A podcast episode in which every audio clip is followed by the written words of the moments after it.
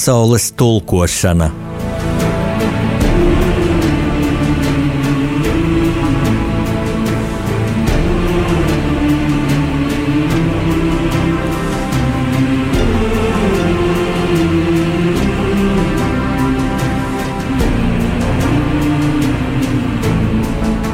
Studijā rakstnieks Jānis Udris.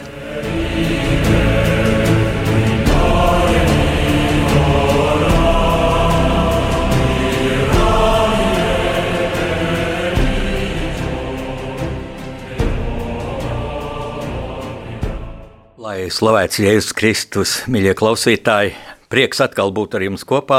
Un šoreiz man ir īpašs prieks pieteikt neparastu mūsu studijas viesiņu. Tā ir mūziķe, tā ir Rīgas Lutera draugs ērģelniece un arī pianiste Inguna Grīnberga. Būtībā mūsu rādījumā arī Latvija mm, kaimiņiene, jo mm, Rīgas Lutera draugs jūs jau zināt atrodas tepat Torņkalnā, tepat dzelzceļa sliedēm otrā pusē, tā kā mēs esam kaimiņi. Inguna sveic tev radio Marija Latvija studijā. Un eh, gribu sākt ar ļoti, ļoti vienkāršu jautājumu. Ļoti vienkāršu, bet reizē ļoti plašu. Saki, ko tev nozīmē mūzika? Jo es atzīšos, nevaru iztēloties tevi bez mūzikas, tev alažādas pie ērģelēm, pie klavierēm. Jā, paldies Jāni par šo jautājumu. Bet es tagad domāju, ka vai kāds vispār var atbildēt, kas ir mūzika? Man liekas, ka mūzika ir tikpat neizdibināma kā cilvēka dvēsele. Jo mēs ienākam pasaulē ar mūziku, ar mātes šūpļu dziesmu, un mēs arī atstājam šo pasauli, un mūsu dvēsele aiziet patiesās mājās arī ar mūziku. Un šis laika posms starp mūsu ienākšanu, dzīves ceļu līdz aiziešanai viss ir mūzikas aptverts. Man liekas, ka es varētu pateikt, ka viss ir mūzika. Man liekas, ka pats Dievs ir dabā radījis mūziku. Ieklausies avotos, paskaties zvaigznēs, sajūti jūras mūziku, sajūti, kā puķe smaržo savā dīvainā mūzikā, un viss ir apkārt mūzika. Bet, diemžēl, mūsu laikā tā mūzikas saklausīšana ir ļoti sāpīgs jautājums. Mēs pašreiz esam trokšņu, uh, elektronisko ierakstu ieskauti. Mēs vairs nesadzirdam viens otru, un mūsu mūzika, iekšējā dvēseles mūzika, sarunu mūzika ir apklususi. Varbūt es to visu pārspīlēju. Un kas manā ir dzīvē mūzika, man liekas tas pats, kas cilvēkam teiktu, vai tu sajūti savus sirds pukstus, vai tu sajūti savā sirds rīti, vai tu atver acis un redzi, kā diena, kā saules mūzika tev pamodina, vai tu sajūti, kā nakts tevi ieejā mūzikā. Mūzika tie esam mēs paši, un katram mums ir sava mūzika. Un, jā, vai es tev esmu atbildējis? Mm, jau nē, jo tava atbilde man rosināja rakties dziļāk. Bet pats tu teici, ka plašs jautājums. Jā, jā, un tieši tādēļ, tu zini, man klausoties tevi bija tāda sajūta, pat pārliecība, ka tas tev nāk jau no bērnības, šīs atziņas. Ja? Varbūt pat pirms valodas, pirms tu iemācījies runāt pavisam mazu, nu, nezinu, gadu vecumā, man liekas, tev ir bijuši kādi muzikālie iespaidi, no kurienes tev varēja rasties. Kur tu dzimi, kur, nezinu, tu esi dzimusi smiltenē, ja tu esi smilteniete, vai tev ģimenē bija šī muzika? Jā, tūlīt es tev pastāstīšu, bet atkal ar mazu atkāpi. Uh, ko es vēl nepateicu par mūziku? Jā, piemēram, es skatos uz mākslas darbu, uz skulptūru, uz arhitektūras uh, šedevru vai ķelnes katedrāli vai Reimsas domas. Tā viss ir kā sastingus mūzika, bet mūzika ir tā, kas ir tajā mirklī. Tu nevari viņu paturēt. viņa ir, un pēc tam viņa jau aizplūst. Tātad viņa ir pilnīgi no citas substances. Un, ja tu runā par bērnību un mūziku, tad es pat varu pateikt, ka māmiņām, kuras gaida bērnus, ir jāklausās Mocards. Jo tad, kad bērns ienāk pasaulē, tad viņš atpazīs šo Mocartu mūziku, jo tas ir šis te bērna dvēseles stāvoklis. To es te varētu pateikt. Bet, protams, man māmiņa neklausījās Mocartu. To es pēc tam tikai aptvēru. Bet, ja tu prasi man par bērnību un mūziku, tad viss, ko es esmu saklausījusi, tā ir bijusi vecmāmiņas eh, tautas dziesmas. Mēs vienmēr kopā kaut ko darījām, un viņi vienmēr dziedāja, bet viņi nekad neuzbāzās, bet viņi tā kā dziedāja, un es dziedāju līdzi, un man likās, ka tā ir tāda laba saruna, ka visiem tā ģimenē ir, ka vienkārši vecmāmiņa kaut ko dara, cep pīrāgus vai tortes un dzied. Viņi tev tā ar vārdiem rosināja, nu padziedāsim mazmeitiņu, bet tu adar, adarināji viņu. Jā, tā kā paraugs, un es domāju, ka tā būtu laba doma arī pārējiem darīt. Neko saviem bērniem neuzspiest, bet tā kā aicināt ar savu darbību, ar savu būtību bērnus līdz vai dziedāt, vai kaut ko darīt, vai veidot, vai vienalga ko. Nevis uzspiežot tā kā dažreiz tā gadās. Tāds blakus kadrs uzpeldēja tev klausoties.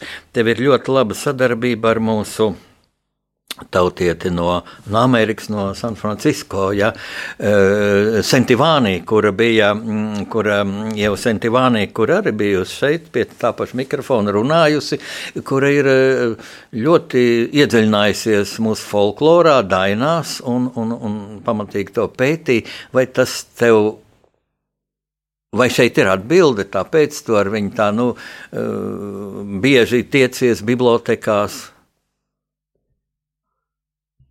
Jā, es tev tūlīt paskaidrošu. Man fascinēja pati Ieva Sentivānī kā liela personība, kā ārkārtīgi aristokrātiska mākslas, literatūras, kultūras pazinēja, kur tikai, uh, kura tikai sajūt to mākslu, kurai ir mūžīga vērtība.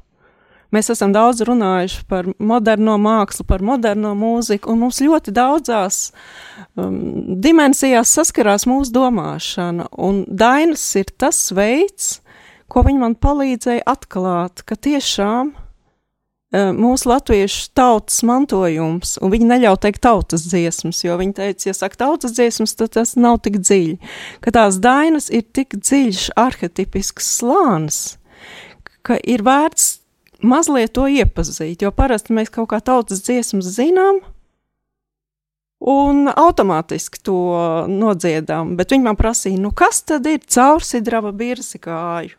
Un izrādās, ka tas ir garīgi apveltīts cilvēks, kuram ir gudrība, kuram ir viedums, kuram ir dievadziņa.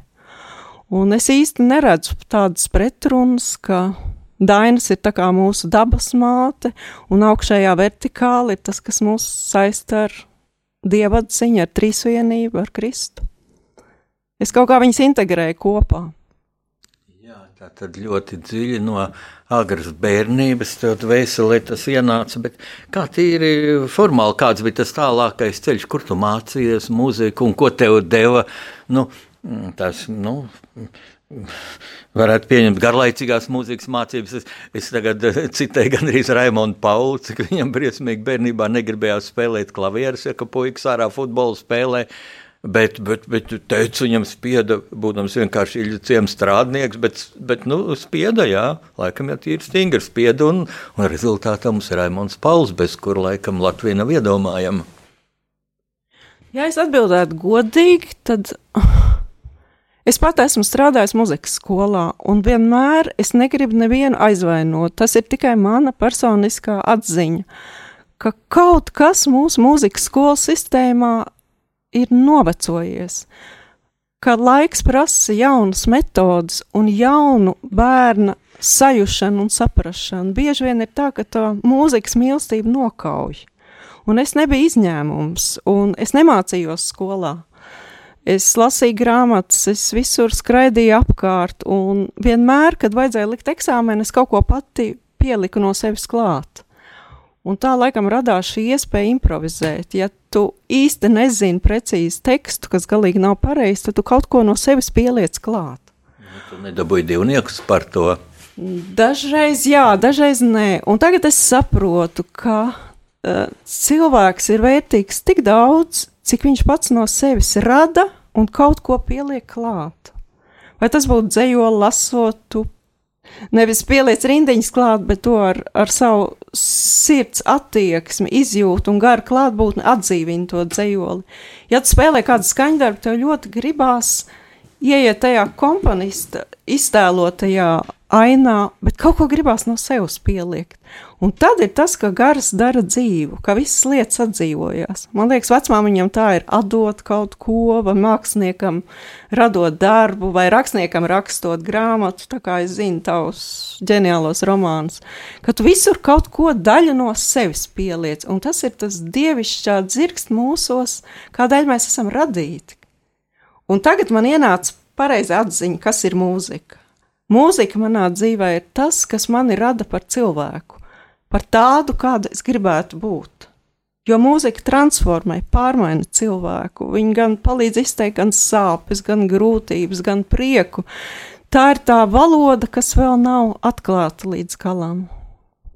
Tu teici, un tagad man ienāca, nu es uh, saprotu, to nevar pateikt datumu un gadu, jā, ja? Bet nu, apmēram, jo mans nākamais jautājums par tavu dzīves ceļu, tu esi beigusi vairākas augstskolas, vairākas fakultātes, ja, un man tas asociējas ar tādiem kā meklējumiem. Tu arī teoloģijas fakultātes beigusi. Pareizi? Jā, pareizi. Bet tā kā Vāgners teica, dižais komponists, viņš teica, tu visu, ko samācies, visādas filozofijas un skolas un atziņas, Un tad tu to visu aizslauki nost un atgriezies pats pie sevis, ka tu no sevis atkal radi. Un man liekas, ka mana augstskola ir tiešām dzīve, pati dzīve un tikšanās ar cilvēkiem, ar tiem cilvēkiem, kas mani ir veidojuši. Tās ir manas grāmatas, dzīve cilvēku klātbūtne personības. Tāds ir ļoti daudz manā dzīvē. Bet konkrēti par izglītībām, jā, man ir teoloģijas izglītība, es ļoti cītīgi apmeklēju visus kursus, sākot no visu universitātes piedāvātos mācību kursus, tā kā man ir 90 priekšmeti. Pabeigti, jā, visās sistemātiskās teoloģijās, un senebreju valoda, grieķu valoda, un, un vēl daudz, daudz varētu uzskaitīt. Un, un tad man ir psiholoģijas izglītība, Un vēl kaut kas man bija. Ah, mūzika, laikam, jā. Tik daudz, ka nevar atcerēties. tas ir jauki, jā. Jā, jā, bet svarīgi ir tas, kā es to pielietoju dzīvē un kāds esmu cilvēks. Tās izglītība tomēr ir un paliek uz papīra. Jo pati dzīve pārbauda, cik tu esi inteliģents, cik tu esi zinošs vai nezinošs, vai arī vai tu esi patiess vai tikai izliecies. Mhm. Respektīvi, nav tā, ka būtu, ah, pazaudēti gadi, kad es tajā fakultātē mācījos. Ak, nē, nē, nē, nē, nē, nē, nē. Tad, kad es mācījos fakultātē, es varu divos vārdos pateikt, ka tas bija viss brīnišķīgākais laiks, jo tajā laikā tikko uh, teoloģijas fakultāte bija atguvusi jaunu elpu, jaunus spēkus, un tā kā putni no visām, visiem kontinentiem sabrauca teoloģijas mācību spēki no Kanādas, un es atceros profesors Grīslis no Austrālijas, no Zviedrijas, un tas bija kaut kas tik jauns un tik nedzirdēts un tik interesants, ka man liekas, ka es esmu tiešām ziedu laikus piedzīvojis teoloģijas fakultātē. Jā, es saki, un tās pārējās fakultātes, psiholoģija bija. Jā. Tās iet ar psiholoģiju ir, ir dīvaini. Es ar lielu entuziasmu aizgāju mācīties psiholoģiju, un tad es vienā brīdī sapratu, ka es esmu tā kā iesprostot kādā būrī, kad man ir vajadzīga daudz augstāka dimensija, un ka to var dot teoloģijas fakultāte, un tiešām tā arī bija. Un es atkal negribu neko sliktu teikt par psiholoģiju, bet man liekas, ka pašreizējā dzīves posmā mums ir par daudz psihologu apkārt, psihoterapeitu, psihoanalīze, coachings un vēl viss kaut kas. Un tad man gribās teikt, vai tas neatņem cilvēkam dvēseles spēkus? Ja kāds manā vietā dod padomus, tad kur ir mana griba, kad es pati gribu izrakties līdz patiesībai? Es gribu atbildes jautā, jautājumus atrast uz savām atbildēm. Un arī psiholoģijā es mācījos neirolingvistisko programmēšanu, kas man liekas ir pat noziegums pret cilvēka dabīgo dvēseles attīstību, prāta attīstību, bet varbūt pārāk skarbi vārdas. Es, tā, tās ir tikai manas izjūtas. Zini, Ingūna, tas, ko tu saki, nu, man personīgi ir ļoti dziļi. Un es domāju, arī klausītājiem, un mēs runājam par mūziku. Es domāju, tad mēs klausīsimies, klausīsimies mūziku. Tātad pērdelēm Ingūna Grīnberga ieraksts Turnkalna baznīcā.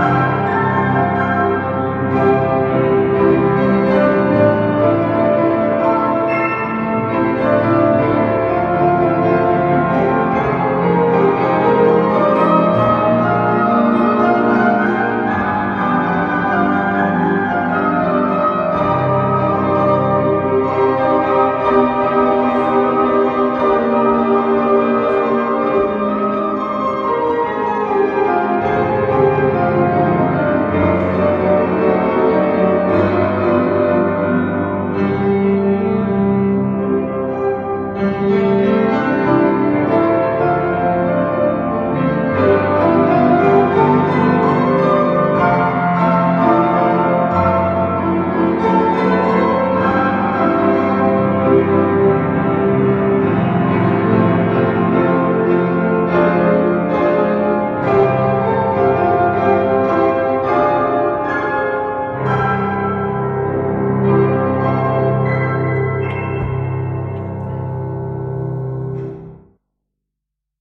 jūs klausāties uh, radio Marija Latvija, rakstnieku pārunu stundu, un šodien mans, mana studijas viešņa ir Rīgas Lutera draudzes ērģelniece un pianiste Inguna Grīnberga. Tātad, Inguna, kas šis bija pa skaņdarbu? Nu, es nevaru atpazīt, bet man ļoti patika. Jā. Es to viņu atbildēšu, bet atkal ar ievadiņu. Es pēkšņi sapratu, ka cik es esmu izredzēta, ka Viss mans dzīves laiks ir saistīts ar baznīcu, kas nekad neliek cilvēku garam atslābt, ka es varu svētdienās dzirdēt sprediķus, svētos rakstus, un šis te skaņdarbs bija sestdienas vakara meditatīvs priekšnesums, bet man viņš ir ļoti personisks, jo atbrauc mana meita no Holandes, un viņa teica, māma, es gribu uz baznīcu.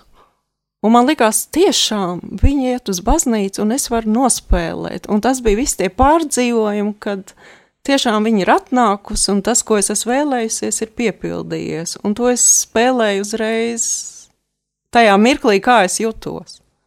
Tas, nu, nu jā, tā bija tā kā improvizācija, tā kā tiešām pateicība par, par pateicība to. Dievam. Tieši tā, jā, jā. Ja bezgalda dziļa. Lai gan katrs mūsu brīdis ir pateicība Dievam, ka Jā, mēs esam. bezgalīgi dziļa atbilde, jo tavai meitai liela pārbaudījumi bijuši dzīvē, smaga operācija, bet par to nerunāsim. Tas varētu arī būt sarūktinoši. Es ko citu gribu teikt. Tu minēji, ka nu, visu tavu dzīvi ir baznīcā. Kad es pirmo reizi tevi dzirdēju, ja, es iesvētījos 90. gadu vidū, jau, jau, jau diezgan solidā vecumā reizē ar Mārtu Čaklo pie Rubeņa. Mm. Un drīz pēc tam bija pavasara talka, kad mēs draudzes locekļi apkopjam baznīcas uh, teritoriju pagalmu. Uh, un pēkšņi iekšā sāk skanēt ērdeles. Un tad mūsu draugs priekšnieks tajā laikā, Jānis Volkovs, teica, ah, Ingūna spēlē, cik labi. Domāju, kas tā Ingūna ir? es prasīju, un pēc tam man rāda vienu tādu nu, nu, skaistu, košu ģērbušos mm, jaunu dāmu, kas atbrauc ar velosipēdu uz baznīcu un ieliek šķūnīti velosipēdu. Tajā laikā tu brauc ar velosipēdu. Lūk, tā bija Ingūna Grīnberga, tas bija 90. gadu vidū, bet saka, cik es biju nu, zaudējis tev, cik gadus tu jau tad spēlēji, no kura gada tu esi mūsu Toriņkalnu baznīcā? Jā, es nekad nebiju domājis, ka es kādreiz spēlēšu ērģeles. Es vienkārši gāju garām Tonkalnu baznīcai, iegāju iekšā, satiku savu draugu Juru Rubeni. Viņš uzaicināja mani spēlēt, un tā pamazām, pamazām es arī tur paliku. Bet pirms tam man ir bijusi pieredze kuldīgā pie moda plātes spēlēt erģēles. Tas bija 80. gads, jā, no tā laika laikam. Jā, tu teici, savu draugu Jūru Rubeni, jūs kopā studējāt, varbūt? Jūras Nē, vecāks. mēs satikāmies pie leģendārā Roberta Feldmaņa. Tur nāca jaunieši uh, tikties ar viņu, jo tā bija tāda personība, ka, es domāju, daudz tika inspirēti no viņa domām un atziņām. Tas bija tāds īpašs vīrs manā dzīvē. Un tur es satiku Jūru Rubeni ar viņu sieviņu, Ingu. es, uh sāku ar jautājumu, ko nozīmē mūzika. Man padomā bija sākt varbūt ar jautājumu, ko nozīmē uh, kristīgā ticība, Dievs. Bet pajautāju tomēr par mūziku, un tu jau sāki runāt arī par Dievu, uh, par kristīgo mūziku. Kā tas saistās tavā izjūtā? Ja tev viss ir tādā organiskā, sintētiskā vienībā, ja viss šī vērtības sistēma, kas domāju ļoti labi ir. Es domāju, ka jā. Tad, kad piedzima Kristus, tad taču eņģeļi dziedāja gods Dievam augstībā un cilvēkam labs prāts. Un es nezinu, vai varētu teikt, mūzika kristīga vai nekristīga. Lai gan tajos tagadējos laikos to varētu teikt, bet tā, kas ir nekristīga mūzika, tā nemaz nav mūzika. Tā ir hauss, tā ir mūzika, kur sārda cilvēku, kur atrauj viņu no dabīgām saknēm un neļauj viņam kāpt augšup un meklēt atbildes. Un mūzika man ir tā, kas ir mūžīga. Tā ir mūzika. Tas noteikti ir Johans Sebastians Bachs, tas ir Beethovens, Mocards. Es arī Mocardu esmu baznīcā spēlējusi, un, un, un tas ir noteikti Rahmāņos, Skriabins. Un es domāju, ka tās komponistu dvēseles, kas ir saskārušās ar dieva dzirksti, ar eņģeļu pieskārienu savā radošajā darbībā, tā visa ir kristīga mūzika. Jo nekas nerodas bez Kristus klātbūtnes. Dažreiz varbūt mēs to neapzināmies, bet tā ir mūzika, kas paliek, tā ir mūzika, kas dziedē cilvēku dvēseles.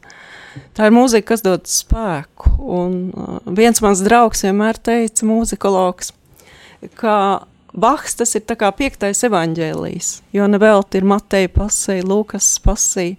Visu to viņš ir ielicis savā taļradē. Es nezinu, kas vēl var būt augstāks. Ja mūziķis atdzīvina Bībeles vārdu caur skaņu, caur citu dimensiju, un cilvēks to izjūt ar savu prātu, jā, izjūt ar prātu, ar sirdsprātu, ar savu dvēseli, un vēl tas rosina viņa gribu iet, darīt, attīrīties, attīrīties no viss tā, kas mūs piesārņo. Jā, caur citu dimensiju man mm, šī tēze rosināja tādu jautājumu, Nu, es neesmu saistīts ar muziku tādā ziņā, ka es mācītu, ko spēlēt. Man pat no muzikālā dzird. Vienīgais, kas man ir, ka es ļoti mīlu mūziku. Mm, no šejienes tāds jautājums, lūk, šī cita dimensija, viena, rad, viena radoša personība un otra, pie tam bieži ļoti tāls laikā, piemēram, Bahs un Ingūna Grīnberga.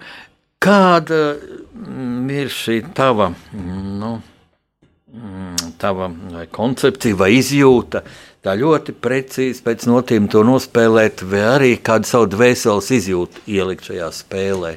Kaut baks, nu, kā tur nedrīkstētu neko aizskart, ja, kā viņš to ir atcerējis, bet tomēr to savu dvēseles izjūtu. Un kā mūziķim to es, es, es pieņemu, ka atbildi ir, ka, ka tu gribi no sevis ko ielikt, bet kā tas praktiski ir iespējams? Tur laikam vajag Dieva palīdzību. Nē, es, tu Jānis sākumā teici Bahs un Ingūna. Es varu teikt Bahs un Jānis, un jebkurš cilvēks, kurš saskarās ar Baha mūziku, sajūt, ka nav nekāda laika un nav nekāda telpas. Tur jau ir tā lieta, ka tā ir šī mūžības dimensija.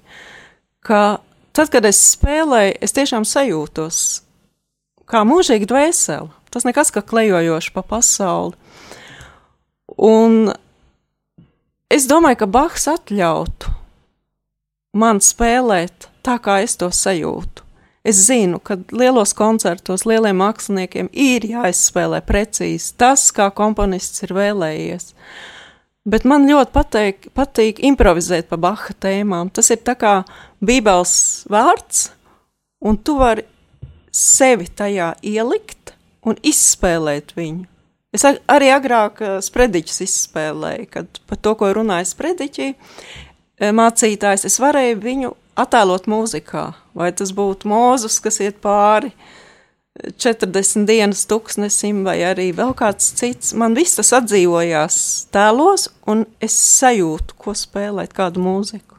Kādreiz tur ir tāda nu, draiskola bijusi. Es atceros, reiz Jurim Rubenim bija tajos labajos laikos, kad Juris Rubens bija mūsu baznīcā vēl to sauc par Rubeņu baznīcu, viņam bija sprediķis par alkoholismu postu. Ja?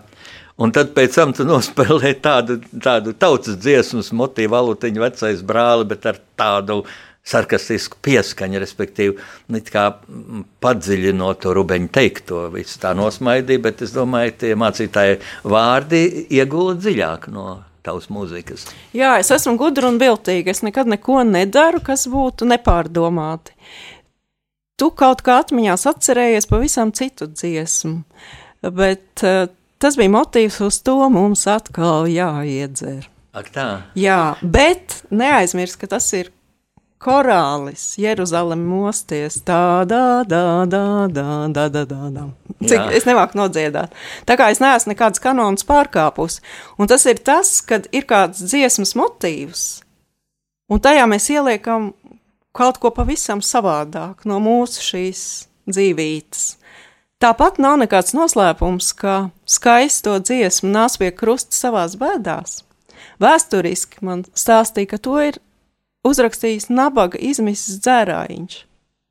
Viņam ir bijis tik grūti, kad viņam radās šī dvēseles kliedziena dziesma, un tagad mēs viņu dziedam katru reizi ciešanu laikā. Nāc pie krusta savās bēdās, ceļinieki.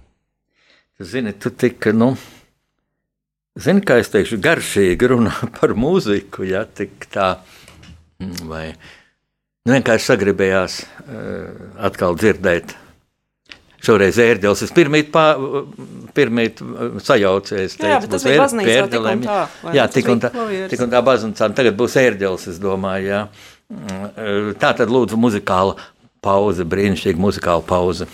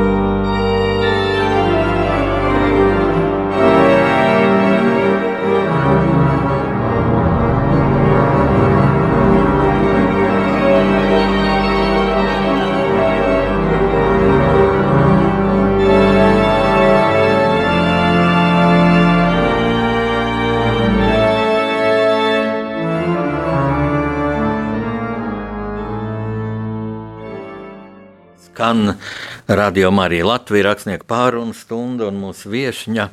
Šeit Radio Marija Latvijas studijā ir Rīgas Lutera draudzes ērģelniece, Tornkalna baznīcas ērģelniece Inguna Grīnberga.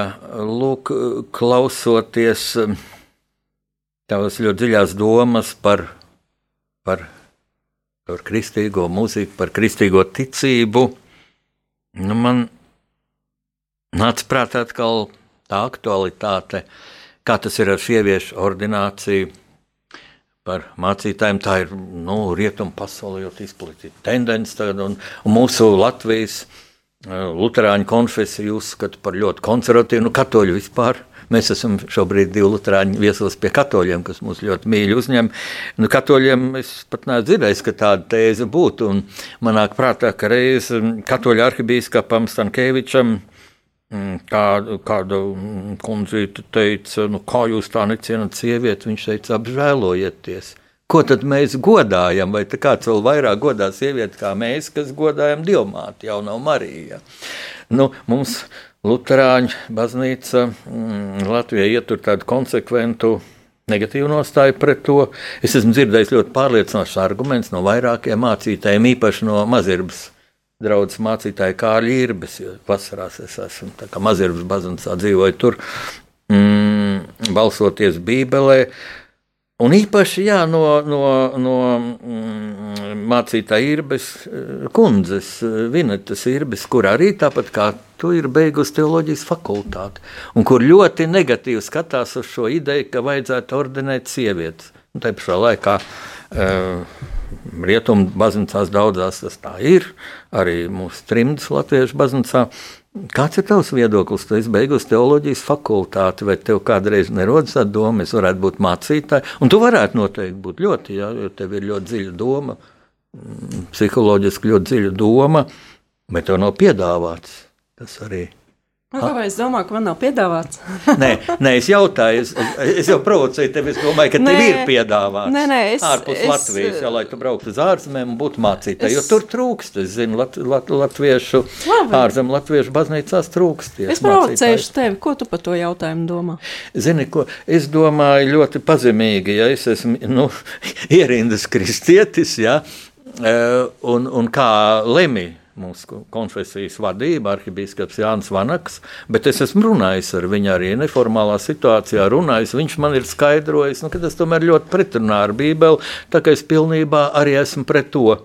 Bet, nu, ja, piemēram, kāda sieviete tādēļ justos sarūktināt, man būtu žēl. Es domāju, tad vajag ļoti tādus pārliecinošus argumentus un tieši mm, teoloģijas zinātniekiem, ja, teoloģijas teorētiķiem izvirzīt.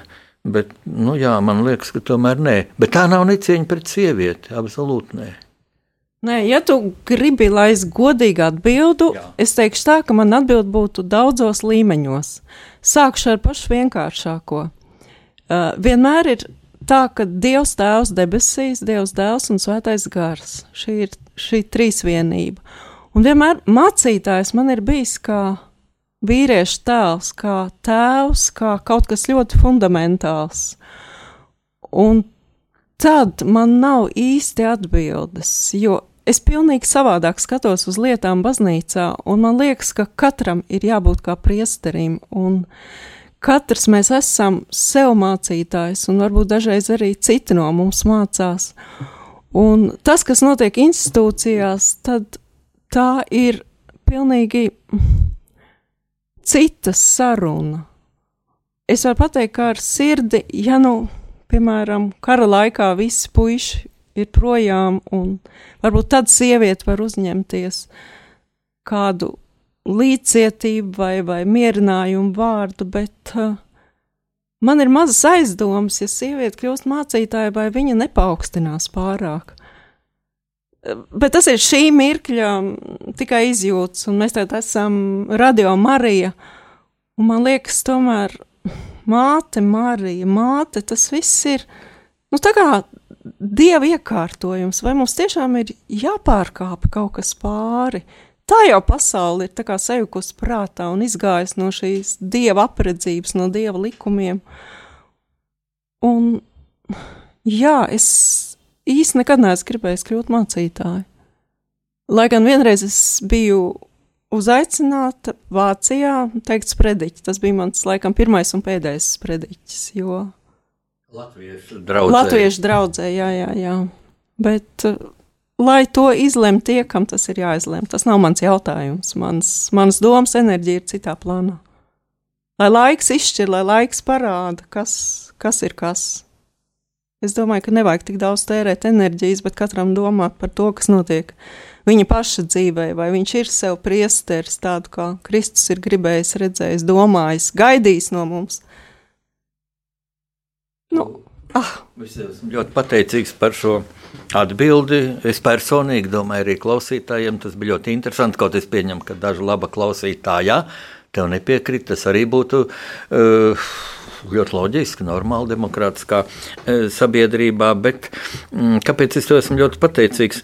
Nu, es teicu, jau man ļoti pārliecinošs atbildes ir skaidrojums, ir, devu, e, ir devuši vīriešu mācītāji, Lūk, Kārls Irbe, ja, un viņam bija tāda tēze arī, nu, sāc tikai kaut kur pārkāpt Bībeles šīs, pa, šīs pamatkoncepcijas. Ja. Nu, šajā gadījumā ir ļoti normāli būt, nu, sieviete, mēs cienam sievieti, lai sieviete ir mācītāja, un tad jau aizies tālāk, kad arī geji var būt mācītāji un, un lesbietes lietas un tā. Un, un viņš saka, un tad ir maisam Pandoras lāde atvērta un, un vairs to nevar dabūt atpakaļ. Un tā kā ir piemēram Norvēģijā, jo pie mums mazierbas draudzē vienreiz viesojās viens bīskaps no Norvēģijas, un viņš uh, ir tikai nedaudzām draudzēm biskups. Lielais biskups ir cits, ja, un viņu sauc par konservatoru un tādu, jo viņš pieturas pie šīm mūžīgām vērtībām. Viņš teica vienu briesmīgu lietu. Viņš teica, zini, es tagad Norvēģijā attieksmē pret sevi un pret savu meitu, jo skolā ir bijusi diskusija, kur meita ir centusies tēvu konservatīvos uzskats aizstāvēt, un viņa teica, tur ir muti. Tu esi fašiste, tu esi komuniste. Ja? Viņš teica, es varu iedomāties, kā jūs Latvijā, kristieši, jutāties kādos 80 gados. Nu, temats ir ļoti e, e, e, dziļš, bet tu kā ar savu sievietes viedumu atbildēji pavisam no citas puses. Bet atkal ļoti pārliecinoši, varbūt pat vēl pārliecinoši. Nē, noteikti vēl pārliecinošāk, ja? nekā mācītājs vīrietis ar savu nu, tādu, nu, zin, tādu nu, ļoti konkrētu, ļoti loģisku domu, bet to arī ar dvēseli atbildēja. Lielas paldies tev! Nu, tagad nu, noteikti vajag muzikai skanēt, atkal ērģelēm spēlē Inguna Grīnberga.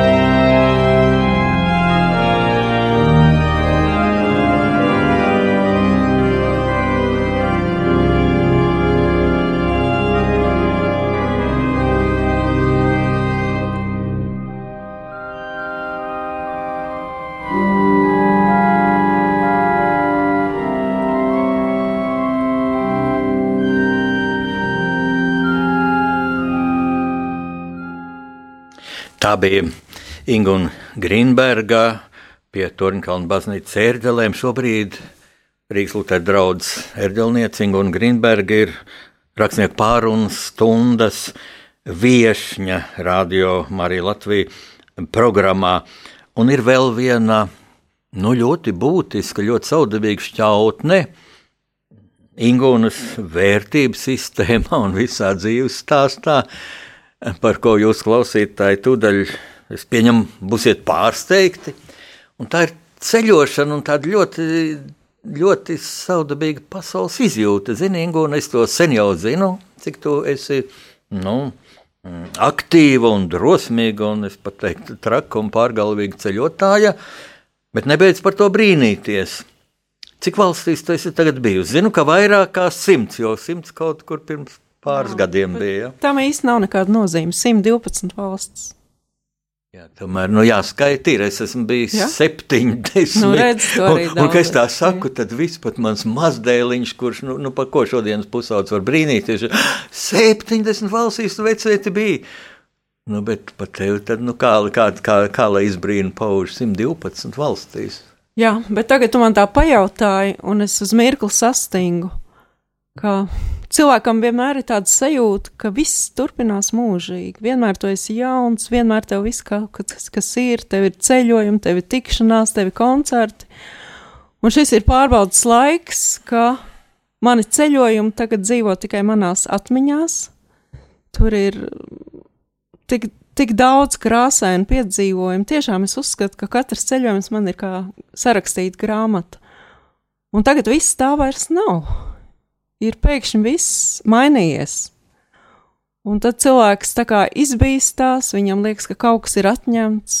Jā, bet ir jāprot dzīvot šajos laikos, nebaidīties, uzticēties tam lielajam spēkam, Kristu, kas mūs sargā, Un es varētu teikt, ka viss ir ar Dieva nodomu. Šis ir pārbaudījuma laiks, ir jāiztur.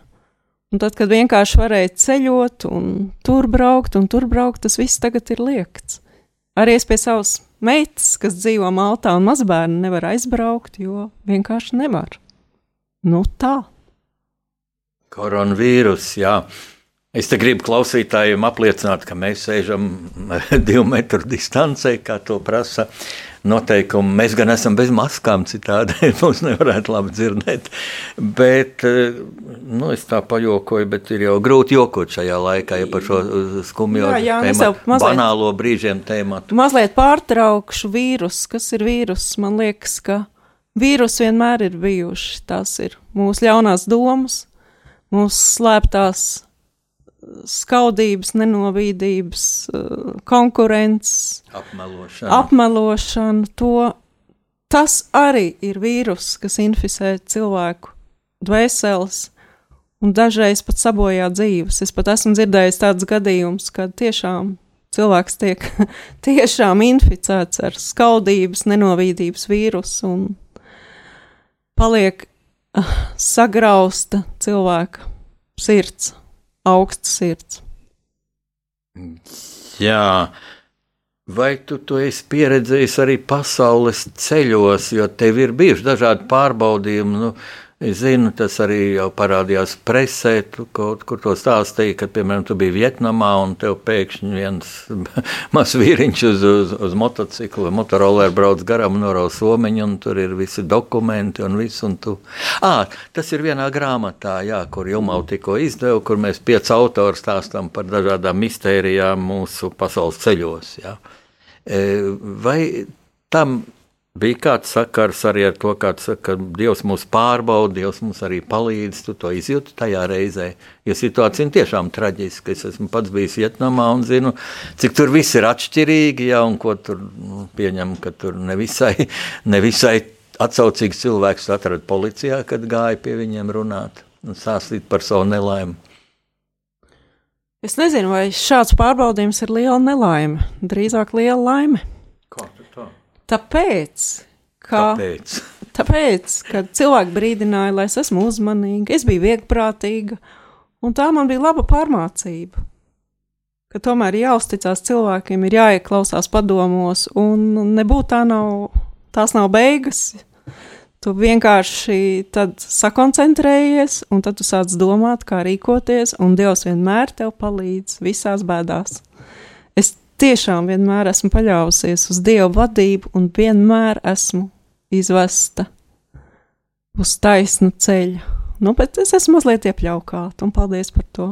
Redz, kā te ir paļauties uz Dieva vadību, bet pašam ir jāsargās, jo, jo gal galā, nu, nu, es teikšu tā vienkārši drusciņi pajokojot, nu, Dievs ir, man tāda izjūta, ārkārtīgi aizņemts, un viņam nav laika, uh, Vai mēs nevaram gaidīt, lai viņš nodarbojas ar cilvēku teiksim, bezrūpību un tādu, tādām lietām, ka cilvēks var pats regulēt. Un, un, un te es atļaušos pavisam netradicionāli pateikt mūsu klausītājiem, ja jūs brauc, braucat, un es ceru, ka pienāks laiks, kur es braucu tālos ceļos atkal uz eksotiskām valstīm, Nenesiet dokumentus somiņās, kas karājas plecā, jo tas ir ļoti izplatīts. Paņēmiens braukt garām ar moci vai motoroleru vai mopēdu un noraut to somiņu, pat, pat, pat, pat izraut no rokas un mukt prom, un, un diez vai jūs viņu noķersiet.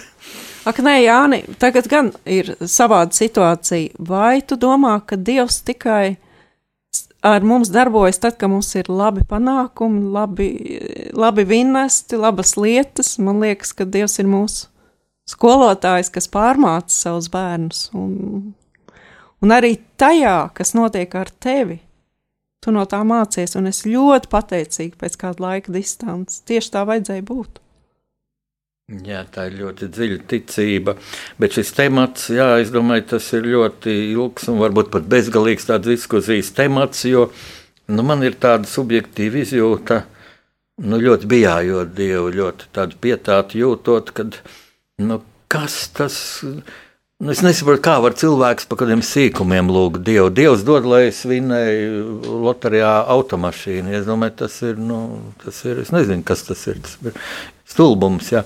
Uh, Un tāpat es kādreiz, kad es uh, iesaistījos Lutera draugzē, un tādas diskusijas mums sadraudzībā pie kafijas tas bija, un kaut kā runājām, ka tur kāds saslims, un tā un viena kundzīte saka, nu, izārstēt var tikai Dievs. Aiz kaut ko teica, nu, ka vajag pašam sev, sev teiksim, ārstēt, nu, kaut vai vingrojot, vai ar, vai ar, ar meditāciju, nu, kristīgo meditāciju un tādām lietām. Cilvēki bieži neizprot, kā tas mums Lutera draudzē daudz gadus notiek. Mm, kristīgās meditācijas vakari, nu, pašlaik, diemžēl, arī Induls Paičs, kas to lieliski vadīja, ir aizgājis no mūsu draudzes, tā kā eh, skumīgi. Un tā kundze teica, izārstēt var tikai Dievs, nu kā tad ārsti nebūtu vajadzīgi, ja, un, un, un, un tā bieži man sarūktina, ka cilvēki tā ļoti primitīvi tās lietas nu, uztver. Jā, pareizi ir teikt, tā nebūs Dieva vārdu nelietīgi valkāt, jā, jā, vai ne? Tieši jā, tas tā. ir tas, ko es domāju. Cilvēkam jādzīvo savu dzīvi, jādzīvo atbildīgi, jo Dievs ir, ir, ir radījis cilvēku radījis šo dzīvību. Nu, un, un jābūt atbildīgiem. Kādreiz kā var būt karš, ja? kā var, kāpēc Dievs to pieļauj? Tas manā romānā par, par Mērovicu, kāpēc Dievs to pieļāva? Bet tā bija cilvēka atbildība. Jā, bet es tev pilnīgi piekrītu, jo, ja kaut kas labs notiek, tad paldies Dievam, ja kaut kas slikts, tad Tad ir klusums, bet cilvēki paši izvēlās iet savu ceļu. Viņi jau nesako tam, kā ir dieva, dieva prātam nolikts. Un tāpēc viss, kas notiek, mēs paši to esam radījuši. Ar savu dzīvi, ar savām domām, ar saviem darbiem, un tad brīnamies, kad ir tāds rezultāts, kā ir tagad. Ingu, un tu esi atkal pie tās ceļošanas atgriežoties. Vispirms, vai tu, tu jūti un tā dziļi tici, ka nu, būs taču beigsies te, šī pandēmija, un mēs atkal, ceļ, atkal ceļosi, tad, kad, bū, tad, kad būs iespējams? Nu, man ir dziļš klusums. Es, uh, es joprojām gribu klusēt un negribu neko tev atbildēt, tāpēc, ka patiešām visa pasaule liekas, ka ir sajukus prātā. Un uh, neviens nekad nezinās, vai jebkāda veida ceļošana būs iespējama. Varbūt mēs ceļos turpināsim savā iekšējā pasaulē, savā dvēseles brīvībā, varbūt grāmatās, varbūt sapņos, bet reāli mēs nezinām vairs, kā būs. Laikam skaļi man vajadzētu teikt, nu, jā, varbūt varēsim ceļot. Liels jautājums debesīs. Liels jautājums. Bet ir ticība, cerība un mīlestība, un varbūt mums vajag ticēt, ka varēsim, un cerēt, ka varēsim. Un, Un pasaulē tā vērts, lai to mīlētu. Es domāju, ka vislabāk ir gatavoties ceļojumam savā iekšienē un vairāk domāt, kā būs tad, kad mēs pāriesim to nāves robežu. Un varbūt tad dvēseli prasīs, varbūt pa daudz mēs esam ārējām lietām pieskārušies, bet mazāk domājuši tieši par to, ko es sakrāju savā dvēselē. Ar kādu spēku es pāriešu tai nāves robežai pāri. Tu esi bijusi mm, ļoti daudzās tādās eksotiskās valstīs, kas ir ļoti tālu no kristīgās ticības, ja, kur ir citas reliģijas. Un, mm, saki, kāda tev ir izjūta, kādas atziņas runājot? Nu, ar musulmaņiem, lai gan, lai gan islāms tas nemaz būtībā nav tik tālu, ja tā paskatās, bet, bet ar budistiem vai, vai kur konfesiju tu minētu, kur visinteresantāk tev ir kādreiz iznākušas vai nu diskusijas tā tieši. Vai arī, nu, kad sadurās divas vērtības sistēmas un rodas kaut kāda vai nu nesapratne, vai gluži otrādi sapratne? Nē, es patiešām esmu bijusi gandrīz visās austrumu valstīs, arī tādās, kur ir tikai džungļi un ciltis, bet nekad, nekad visā manā ceļojuma pieredzē nekad nav bijis neviena negatīva doma vai diskusija vai kādas pārunas par ticības lietām. Es nezinu, kāpēc man tā ir sanācis, bet uh, no sevis es varu teikt, ka Kristus, kristietība ir kaut kas daudz, daudz, daudz vairāk nekā reliģija un ka arī visas nākotnes tautas, kādas viņas ir tagad savā attīstības līmenī, viņas tuvosies Kristum, bet tā ir mūsu nākotne. Un tā kā jebkurš dialogs vai cīņa par ticības lietām, par konfesijām, viņš ir bezjēdzīgs. Ļaujiet katram cilvēkam atrast to apziņas līmeni, kurā viņš jūtās. Inguna. Ka viņš ir dieva pieņemts. Viss. Darga Ingūna, es tev esmu ļoti pateicīgs par šiem vārdiem un domāju, es to varu droši teikt mūsu klausītāju. Vārdā liels paldies! Mīļie klausītāji, rakstnieku pārunu stundas viesis, radio Marija Latvijas programmā. Šodien bija Ingūna Grīnberga, Rīgas Lutera draudzes ērģelniece. Paldies, Ingūna, lai Dievs tev sveitī un sargā! Un Radio Mariju un Jānim par šo iespēju būt šeit un tagad.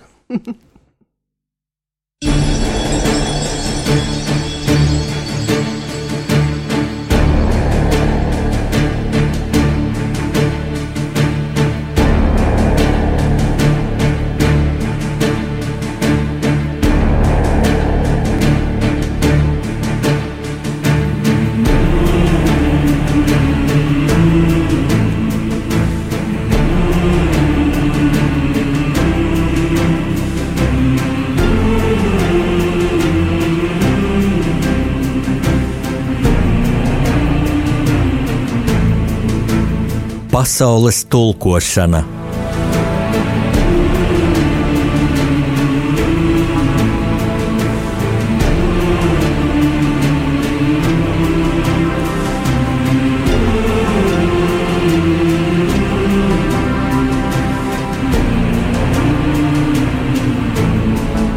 Studijā rakstnieks Jānis Udris.